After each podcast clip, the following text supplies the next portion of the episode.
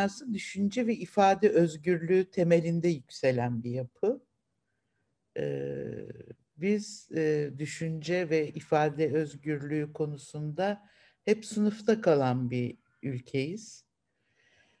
Ee, özellikle kitaplar, özellikle edebiyat e, kitaplarının insanı özgürleştiren bir deneyim sunması ve bunu her yaş için gerçekleştirebilmesi sihrini ne yazık ki e, yeterince kullanamayan bir ülkeyiz. Özgürce yazarsanız bir süre sonra özgür olmama ihtimaliniz çok yüksek.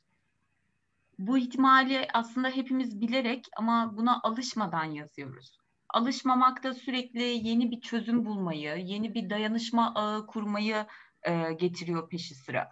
Biz aslında özgürce yazmak bir yana dursun, özgürce tweet atamıyoruz. Aslında bir yanıyla e, böyle düşününce sözün hala çok büyük bir kıymeti var. Çünkü tweetlerimiz, Facebook metinlerimiz, e, Ginsberg'ün e, uluması ya da Barros'un yumuşak makinesinin politik karşılığını buluyor ve anında hapsi boylayabiliyoruz. Süresiz yargılanıyoruz ya da 20 dakikalık bir stand-up gösterisi için 3 sene hapis cezası alabiliyoruz.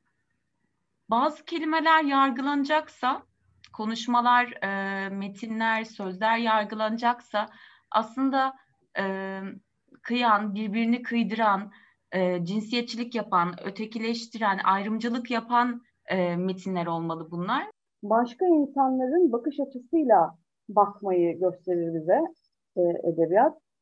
Dolayısıyla da zihin çalışır, e, dima genişler, vizyon genişler ve en önemlisi de eleştirel düşünmenin yolunu açar edebiyat. O yüzden çok kıymetli ve güzeldir.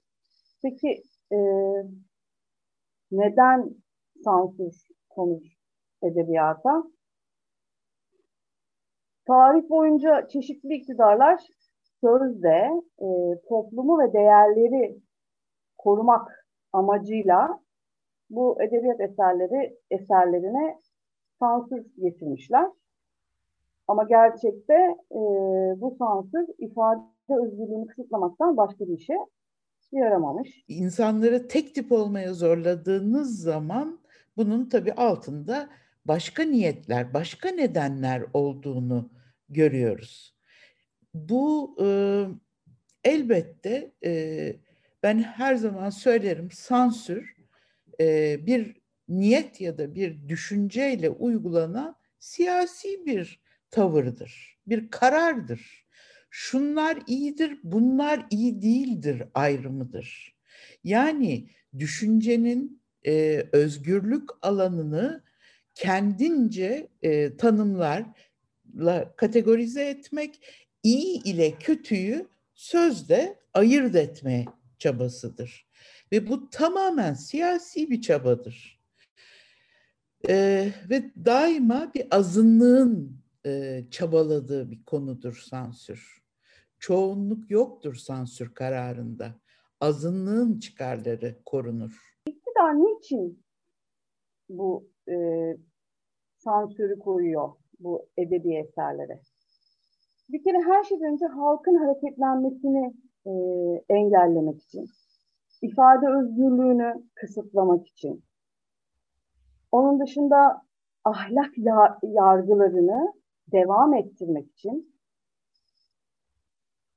ama en önemlisi de iktidarın otoritesinin meşruluğunu güçlendirmek için. Ha, işe yaradı mı? Hiçbir zaman işe yaramadı. İşe, işe yani çoğu zaman yaramadığını e, örneklerle gördük. Ne zaman bir sansür gelse edebi bir esere daha büyük alanlarda mihenk, mihenk taşı olacak kadar daha özgür alanlarda e, yayınlandı bu eserler. Cumhurbaşkanlığı sistemine geçince baş eskiden başbakanlığa bağlı olan bir huzur kurulumuz vardı. Çocukları huzur neşriyattan koruma kurulu. Bu 1927'lerde kabul edilmiş bir kanun. Fakat bu huzur kurulu e, bütün kitapları denetlemeye, e, pardon bu kitaplarla ilgili yasaklama kararları verdi. Şimdi öyle kararlar verdi ki bazen e, yetişkinler için 19 yıl önce yazılmış mesela Buket Üzünler'in eseri muzur ilan edildi. Halbuki yetişkinler için yazılmış olan bir kitaptır. E, fakat burada e, mesela bir tane çocukların hayata nasıl geldiklerini anlatan bir kitap, resimli bir kitap da anlamadığımız bir nedenden dolayı muzur ilan edildi. Yani çocukları leylek mi getirdi diye anlatıyorlar şeyde. Bu anlamda muzur kurulunun e, verdiği kararlar çok tartışmalı kararlardır. Tabii bu kararların içerisinde başka bir şey daha yaşandı. Sosyal medyada aslında böyle e, kitap okuyan da okumayanın da birbirine karıştığı isimli isimsiz gerçek isimler ya da fake isimlerle beraber bir e, bu kitapları kim denetliyor, kim bunlara bakıyor gibi yayıncılığımızın e, içinde neredeyse yüzde bile kabul edilmeyecek bir editör denetiminden geçmemiş, bir yayın evinin e, bakışından ve seçiminden geçmemiş, kendi insanların kendilerinin bastırdığı kitaplar üzerinden bir linç kampanyası yaratıldı. Çocuklarımıza işte bu kitapları nasıl sunarsınız diye. Ama bu genel olarak Türkiye'deki yayıncılık sektörünün e, nitelikli işler çıkaran, e, iyi editörlerle, iyi seçimlerle kitaplar sunan yayıncılık sektöründe bir sansüre, bir e, otosansüre zorlayan bir sosyal medya ile karşılaştık. Bir sosyal medya linciyle karşılaştık. O zaman da söylemiştik biz. Şimdi çocukları muzur neşriyattan korumak için kurulmuş bir kurul aslında yetişler için, yetişkinler için yazılmış bir kitabı yok etmek için mücadele ediyor. Peki tamam çocuklar bunu okumasın. Güzel, hoş. E, yetişkinler ne olacak? Okum, onlar da mı okumasın? Onların hakkı ne olacak? Bunu da sorduk ama e, maalesef e, şöyle bir durum var maalesef. Yani insanları, düşünenleri ıslah etmek için atılmış bu adımlar devletin aklı bu. Ben devletin aklını anlayamıyorum. Keza devlet aklının da beni anlayabildiğini düşünmüyorum. Zaten belli ortada. Ama dediğim gibi yani fikirler ölmüyor. Onlar ne yaparsa yapsınlar fikirler ölmüyor. Mesela e, çocuklarımıza sadece kendimizce uygun gördüğümüz kitapları okutmaya çalışmak, e, onların ne okuduğunu kontrol altında tutmamız gerektiğini sanmak, e, bir takım çarpıtılmış, eksiltilmiş, bozulmuş metinleri kitap biçiminde yayınlayıp onlara sunmak ve okutmak okutmak için çabalamak. E, bütün bunlar aslında e, gerçekten çocuğun da zihninde ha demek ki okunması gerekenler bir de okunmaması gerekenler var diye çok temel bir ayrıma neden olabiliyor. Üstelik e, yetişkinlerin bu kontrol mekanizması çalıştırmaya çalıştığı bu kontrol mekanizması çocuklar tarafından da uygulansın bekleniyor. Yani çocukların arkadaşlarının okuduğu kitapları e, ispiyonlaması ya da e, o iyi kitaplar okumuyor diye ya da kendince e, tırnak içinde uygun bulunmayan kitapları okuyan arkadaşlarını deşifre etmeleri bekleniyor. Yani bu kısmın aslında maalesef ucu bucağı yok. Hani bir felaket grafiği giderek aşağıya çekiyor bizi ve e, burada öznenin çocuklar, gençler olması tüyler ürpertici bir tablo. Çalışma Sosyal Güvenlik ve Aile Bakanlığı bir WhatsApp ihbar hattı kurdu. Ve WhatsApp ihbar hattında çocuklara zararlı olduğunu düşündüğünüz kitaplar varsa bize ihbar edin dediler. Ve Çalışma ve Sosyal Güvenlik Bakanlığı'nda e, yetkinliklerinin ne olduğunu bilmediğimiz e, kurul üyeleri tarafından da e, muteber kitaplar listesi yayınlanmaya başladı. Yani bu kitapları çocuklarınıza okutursunuz. Diye. Bu hani e, özgürlüklerin bir biçimde e, kısıtlanması gibi görüyoruz. Şimdi bu çerçevede bakıldığında Türkiye yayıncılık sektörü bütün bu sıkıntılarına rağmen de e, faaliyetlerini sürdürmeye ve bu yeni dönemde de yeni şeylerini yapmaya çalışıyor.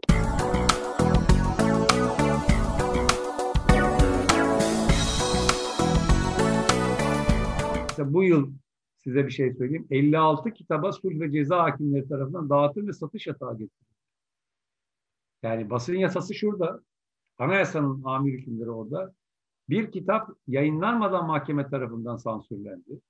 İki kitap hakkında geçmiş yıllarda alınan dağıtım ve satış yasaklarının yayın evlerine bildirilmediği ortaya çıktı.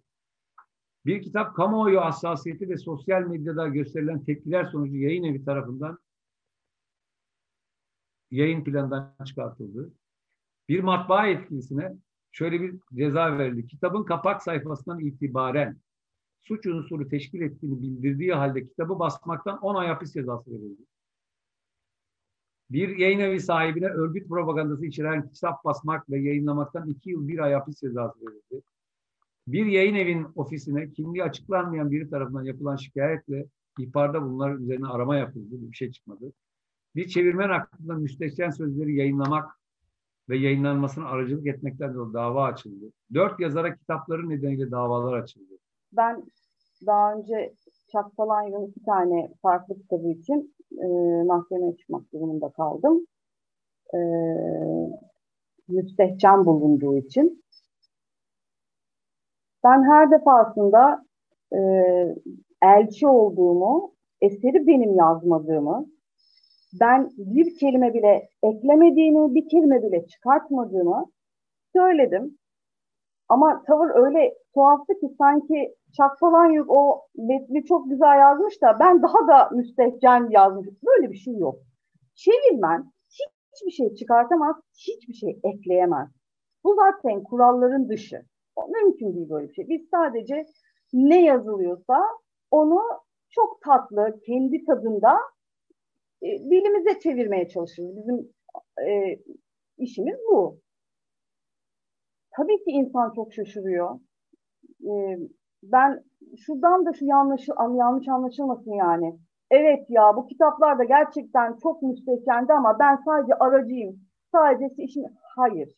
Ben bu işe Çalak, Çak Palanya hayran olarak başladım. İlk e, Fight Club'ı, dövüş kulübünü sinemada izledim. Sonra hiç unutmuyorum yıllar önce 2000 falandı sanıyorum ya da 1999 e, Amazon'dan 3 tane kitabını getirdim. Ben çevirmenliğe böyle başladım. O kadar hayranım ve şunu da söylemek istiyorum. E, tıkanma ve ölüm sonrasından çok daha ağırdır mesela dövüş kulübü. Çok daha yıkıcıdır. Ama isminden kazandığı için onun için onun çevirmenine, o yayın evine dava açılmadı. Biz, ben burada diğer çevirmenler için bir şey söyleyeyim ama kendim için söyleyeyim. Ölüm pornosu adından mesela e, maalesef kaybetti. Bugün düşünün e, hepimizin e, belli bir dönemde e, zevkle okuduğu e, Muzaffer Üzgün'ün bir mizah ustası Zıkkım'ın Kökü kitabını muzır diye e, yasaklayan bir ülkede konuşuyoruz biz bunları. Ya da Yunus Emre'nin ünlü ilahisinin ders kitaplarından bir dörtlüğünün eksiltildiği sekiz kıtalık e, ilahinin yedi kıta olarak yayımlandığı bir ülkeden bahsediyoruz biz. Neden? Çünkü Yunus Emre cennet cennet dedikleri birkaç köşkle birkaç huri isteyene ver onları bana seni gerek seni dediği için. Çocukların, gençlerin bu e, dizeleri okumasından korkan bir ülkedeyiz biz. Bunun e, ne kadar uzun bir yol var önümüzde daha iyi anlayabilmeliyiz ki e, mücadelede gerçekten yılmadan daha da güçlü yolumuza devam edebilelim. Otosansür benim üstüne aslında çokça düşündüğüm bir mesele. Türkiye'de veya dünyanın herhangi bir yerinde özellikle kadın yazarsanız e, burada biz diye konuşacağım ama tabii ki e, aynı deneyimden geçtiğim insanları dahil ederek içine sadece e, hayatımızın belli dönemlerinde otosansür uygulamak zorunda kalabiliyoruz. Çünkü aileniz var, çünkü patronunuz var, çünkü iş arkadaşlarınız var veli WhatsApp grubunuz, Instagram'da akrabalarınız, karşınızda da böyle bir ömür nesiller boyunca öz şefkatten, işte öz sevgiden bir haber büyütülmüş öfke dolu, e, öfkeyle büyütülmüş ve linç etme arzusuyla aslında e, varoluşunu konumlandıran insanlar var. Doğal olarak e, hemen her yazar kendi kendisinin editörü oluyor aynı zamanda. Mutlaka bir noktada e, acaba başıma bir iş e, gelir mi sorusu aklımızın bir ucunda ya da tam karşımızda oluyor bazen. Ve e, aslında hakiki güç ya da onurlu karar da bu soruya verdiğimiz e, cevaba rağmen aldığımız aksiyonda yatıyor. Çünkü e, cevap çok belli. Evet başına bir şey gelebilir. Evet işten çıkarılabilirsin. Evet e, akrabalarından bir telefon alabilirsin. E, evet yargılanabilirsin. Evet özgürlüğün elinden alınabilir. Ama buna rağmen e, yeniden e, eserini, yazını, düşünceni ortaya koyabilirsin. En görünmeyen ama en sinsice yayılan tarafı topluma, toplumun bütün kesimlerine, e, kurumlarına, e, aile yapısına, her noktaya yayılan otosansür daha da büyük bir e, tehlike olarak karşımıza çıkar. E, bu karmaşık bir konu. Öyle e, maalesef toplumsal kültürümüzden çok rahatlıkla beslenebildiği için e, çok çabuk da çözümlenebilecek bir konu görünmüyor. İnanılmaz bir öfke var toplumda. Bu öfke sosyal medyaya öyle yansıyor ki yani bu şeyin yarattığı bu baskıyla insanlar benim gördüğüm yayınlamayı düşündükleri kitaplardan vazgeçmeye yayınladıkları kitapları e, korkarak e, satıştan çekmeye başladılar. Bu daha tehlikeli bir şey.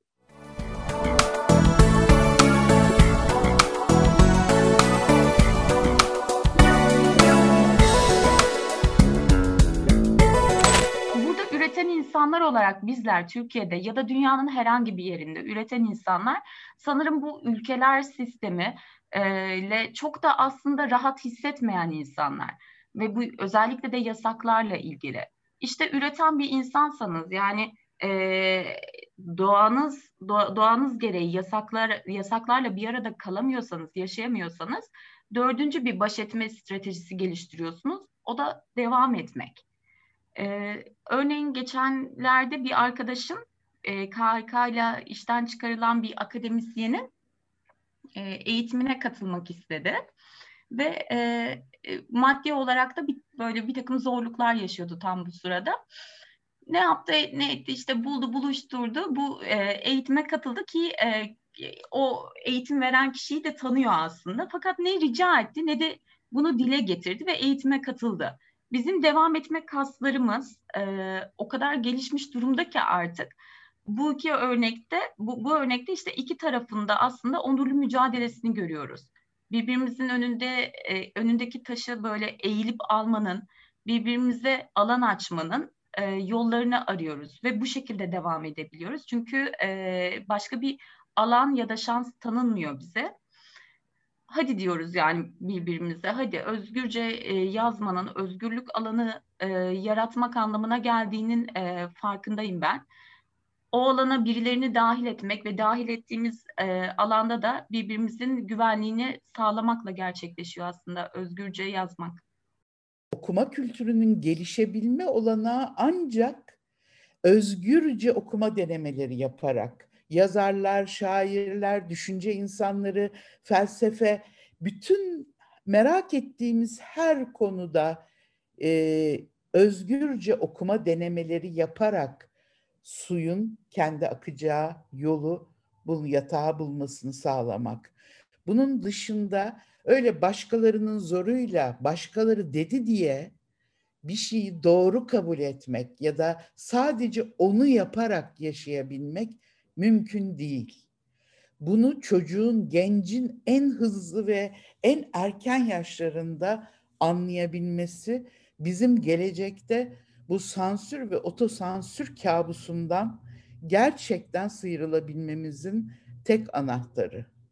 Maalesef yasa e, yasalarla insan haklarının ya da e, bütün e, hukuki e, güvenlik sistemlerimizin var olduğunu sandığımız ama aslında hiçbirinin uygulanmadığını açıkça gördüğümüz son yıllarda e, sansür konusunda da rüya görmemek ve e, bir anda sihirli değnekle dokunulacak ve her şey olması gerektiği gibi olacak e, düşünü görmeyi ben pek e, doğru bulmuyorum. Her gün, her sabah uyandığımızda bu belayla mücadele etmek, daha çok insana düşüncelerden, yazıdan korkmaması gerektiğini, e, bunların korkulacak şeyler olmadığını tam tersine düşünceyi engellemeye çalışanların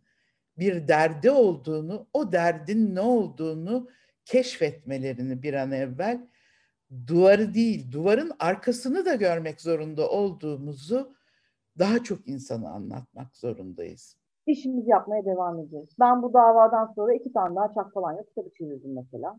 Ee, direnmek gerekiyor. Direnmek gerekiyor. İşimizi yapmaya devam etmeyi. Ben ben böyle düşünüyorum.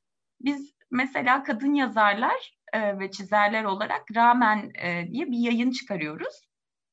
Tematik bir yayın bu ve sadece kadın yazar ve çizerlerden oluşuyor.